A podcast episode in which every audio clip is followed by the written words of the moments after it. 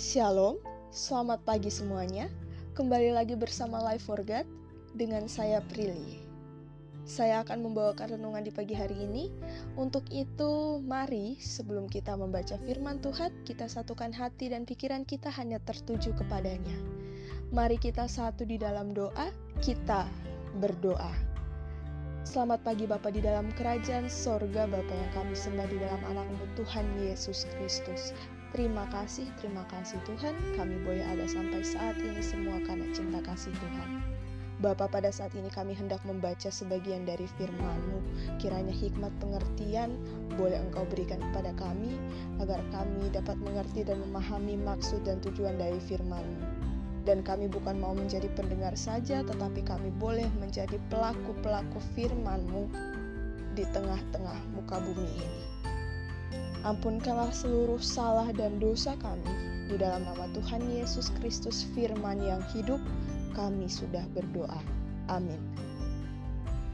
Baik teman-teman semuanya, pembacaan firman pada pagi hari ini terambil dalam Mazmur pasal 119 ayatnya yang ke-9. Mazmur pasal 119 ayatnya yang ke-9 yang berbunyi demikian. Dengan apakah seorang muda mempertahankan kelakuannya bersih? Dengan menjaganya sesuai dengan firman-Mu. Sekali lagi, dengan apakah seorang muda mempertahankan kelakuannya bersih? Dengan menjaganya sesuai dengan firman-Mu. Oke, hanya satu ayat saja dan renungan kita saat ini saya berikan tema anak muda yang sesuai dengan firman Tuhan. Teman-teman semuanya, masa muda kata orang-orang itu sudah masa yang paling indah. Ya, masa di mana kita mencoba-coba hal-hal yang baru yang bahkan sampai membuat kita tidak sadar kalau ternyata kita sudah terjerumus ke dalam jurang kebinasaan. Ya, perilaku-perilaku yang menyimpang di masa muda entah itu pornografi, narkoba, minuman keras, seks bebas, dan lain-lain sebagainya. Apalagi ya, karena nggak mau dibilang ketinggalan tren gitu kan, ya nggak mau dibilang ketinggalan zaman, akhirnya sampai tren-tren yang jelek-jelek pun yang gak ada manfaatnya sama sekali juga diikutin.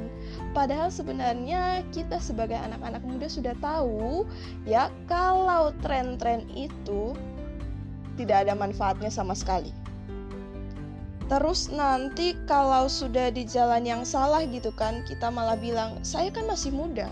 Ya nggak apa-apa, kita seenak jidat melakukan dosa yang sama berulang kali, berpikir kalau dosa yang kita lakukan sebagai anak-anak muda itu hanya dosa kecil saja. Tapi tidak seperti itu. Seperti salah satu renungan yang kemarin disampaikan bahwa nggak ada dosa yang namanya dosa kecil, dosa sedang, dosa besar. Ya dosa, dosa. Begitu. Ketika teman-teman semuanya mendengar saya berbicara seperti ini, Bukan saya menghakimi teman-teman, no, tidak. Saya juga sudah pernah melewati fasenya, teman-teman semuanya. Jatuh bangun dalam dosa bertahun-tahun, dan puji Tuhan, sampai sekarang saya juga masih berjuang dari melepaskan diri dari dosa-dosa tersebut. Ya mungkin dari teman-teman juga ya kita sesama anak-anak muda sampai sekarang belum bisa lepas dari keterikatan dosa. Makanya itu yuk sama-sama berproses diri dan jangan malah bilang ah sudahlah nggak ada gunanya bertobat. Dosa, dosa saya kan udah banyak. Saya nggak berharga ah. Saya malu mau balik lagi ke Tuhan. Hey, siapa yang bilang kamu nggak berharga? Ngapain Tuhan Yesus berkorban di kayu salib susah-susah kalau bukan untuk kita? Iya kan? Makanya itu teman-teman, Tuhan mau kita sebagai anak-anak muda, sebagai tulang punggung gereja, sebagai penerus negeri, sebagai kebanggaan keluarga, Tuhan mau kita. Tuhan mau kita itu berjalan sesuai dengan firman-Nya. Dari ayat yang tadi sudah kita baca ya, dengan apakah seorang muda mempertahankan kelakuannya bersih dengan menjaganya sesuai dengan firman-Mu. Ya, firman-Mu ini siapa? Ya firman Tuhan. Jadi untuk mempertahankan kita ya, mempertahankan kelakuan kita dan menjaganya supaya tetap bersih, ya kita harus taat dengan firman Tuhan. Rajin baca, merenungkan, lalu melakukan firman-Nya. Teman-teman semuanya yang kekasih di dalam Tuhan kita Yesus Kristus, memang kita hanya membaca satu ayat. Tapi paling tidak ya, atau paling sedikit nih ya, ada tiga hal yang bisa menjadi pedoman untuk kita anak-anak muda agar menjaga kelakuan kita tetap sesuai dengan kebenaran firman Tuhan. Yang pertama, menjaga kekudusan. Dalam 1 Petrus pasal 1 ayat yang ke-14 sampai ayat yang ke-16 dan di ayat yang ke-16 berkata bahwa Kuduslah kamu sebab aku kudus. Maksudnya adalah ya merujuk pada ayat yang ke-14 bahwa kita anak-anak muda jangan mudah terpancing dengan hawa nafsu dunia. Dan ketahuilah bahwa hawa nafsu itu tidak melulu, melulu tentang pornografi, seks bebas ya teman-teman. Tapi pada ayat yang ke-15 dikatakan bahwa hendaklah kamu kudus di dalam seluruh hidupmu Ya, ini berkaitan juga dengan hati kita. Jangan kita menyimpan dendam terhadap sesama. Berkaitan juga dengan mulut kita. Jangan sampai kata-kata yang kita ucapkan itu tidak menjadi berkat, tetapi malah yang kita lontarkan itu adalah kata-kata kata-kata kasar yang menghina ya. Dan malah adalah kata-kata yang sia-sia jadi, teman-teman semuanya, hendaklah seluruh anggota tubuh kita, seluruh hidup kita ini mau dijaga agar tetap tetap kudus. Memang menjaga kekudusan adalah hal yang paling ribet kalau bisa dibilang ya. Tapi ya, hal yang ribet itu kalau kita berjalan bersama Tuhan, kita pasti bisa melewatinya.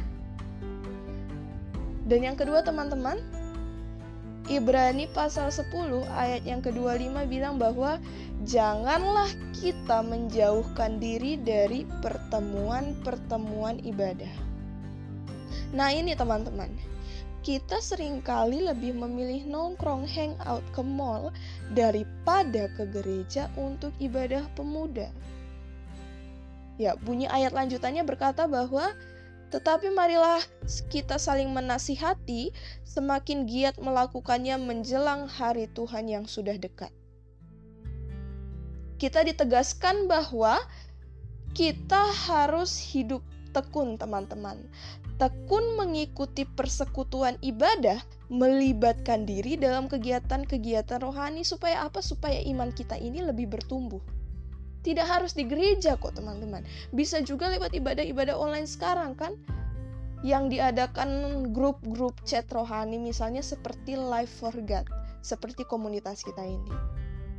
Dan yang ketiga teman-teman, kalau kita sudah bisa melakukan hal-hal yang sesuai seperti yang dikatakan firman Tuhan, nah yang terakhir seperti kata 1 Timotius pasal 4 ayat yang ke-12 berkata, kita harus menjadi teladan bagi setiap orang percaya dari perkataan, tingkah laku, dalam kasih, dalam kesetiaan, dan dalam kesucian. Dengan begitu, nama Tuhan akan dimuliakan jika kita bisa menjadi contoh yang baik bagi sesama kita. Saudara-saudara yang kekasih di dalam Tuhan kita Yesus Kristus, mari kita haruslah menjadi pemuda Kristen yang berkualitas, miliki hidup yang berbeda dari anak-anak muda yang di luar Tuhan. Berani berkata tidak dan jangan berkompromi dengan dosa gunakan masa muda sebaik mungkin untuk Tuhan. Do our best, lakukan semua yang kita punya ya, lakukan semua yang bisa kita kerahkan dalam tutur kata, tingkah laku, kasih, kesetiaan dan kesucian.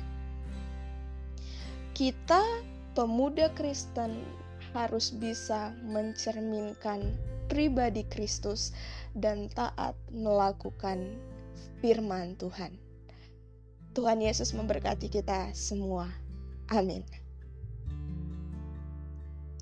Baiklah teman-teman semuanya untuk mengakhiri menutup renungan kita di saat ini, mari kita tutup dalam doa, kita berdoa. Bapa yang baik, Bapa yang kekal kudus, terima kasih Tuhan. Kami sudah boleh membaca, mendengarkan, dan merenungkan firman-Mu Bapa. Hanya satu ayat saja Tuhan, tapi kami percaya di dalam nama Yesus akan memiliki pengaruh yang besar dalam kehidupan kami.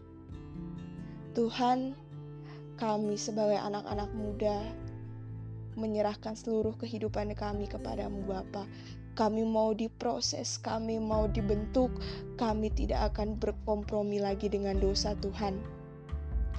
Kami mau menjadi anak-anak muda yang taat dan setia kepada Engkau, Yesus. Kami sadar, Tuhan, bahwa kami adalah manusia yang lemah. Untuk itu, Tuhan, kami minta agar tuntunanmu, tuntunan Roh Kudusmu selalu ada menyertai kehidupan kami. Terima kasih, terima kasih sekali lagi, Tuhan. Bahkan tak henti-hentinya kami mengucapkan terima kasih untuk semua kebaikan, kemurahan, dan berkat Inilah kami Tuhan dengan segala kelemahan dan keterbatasan kami. Ampunilah seluruh salah dan dosa kami di dalam nama Tuhan Yesus Kristus. Kami sudah berdoa. Amin.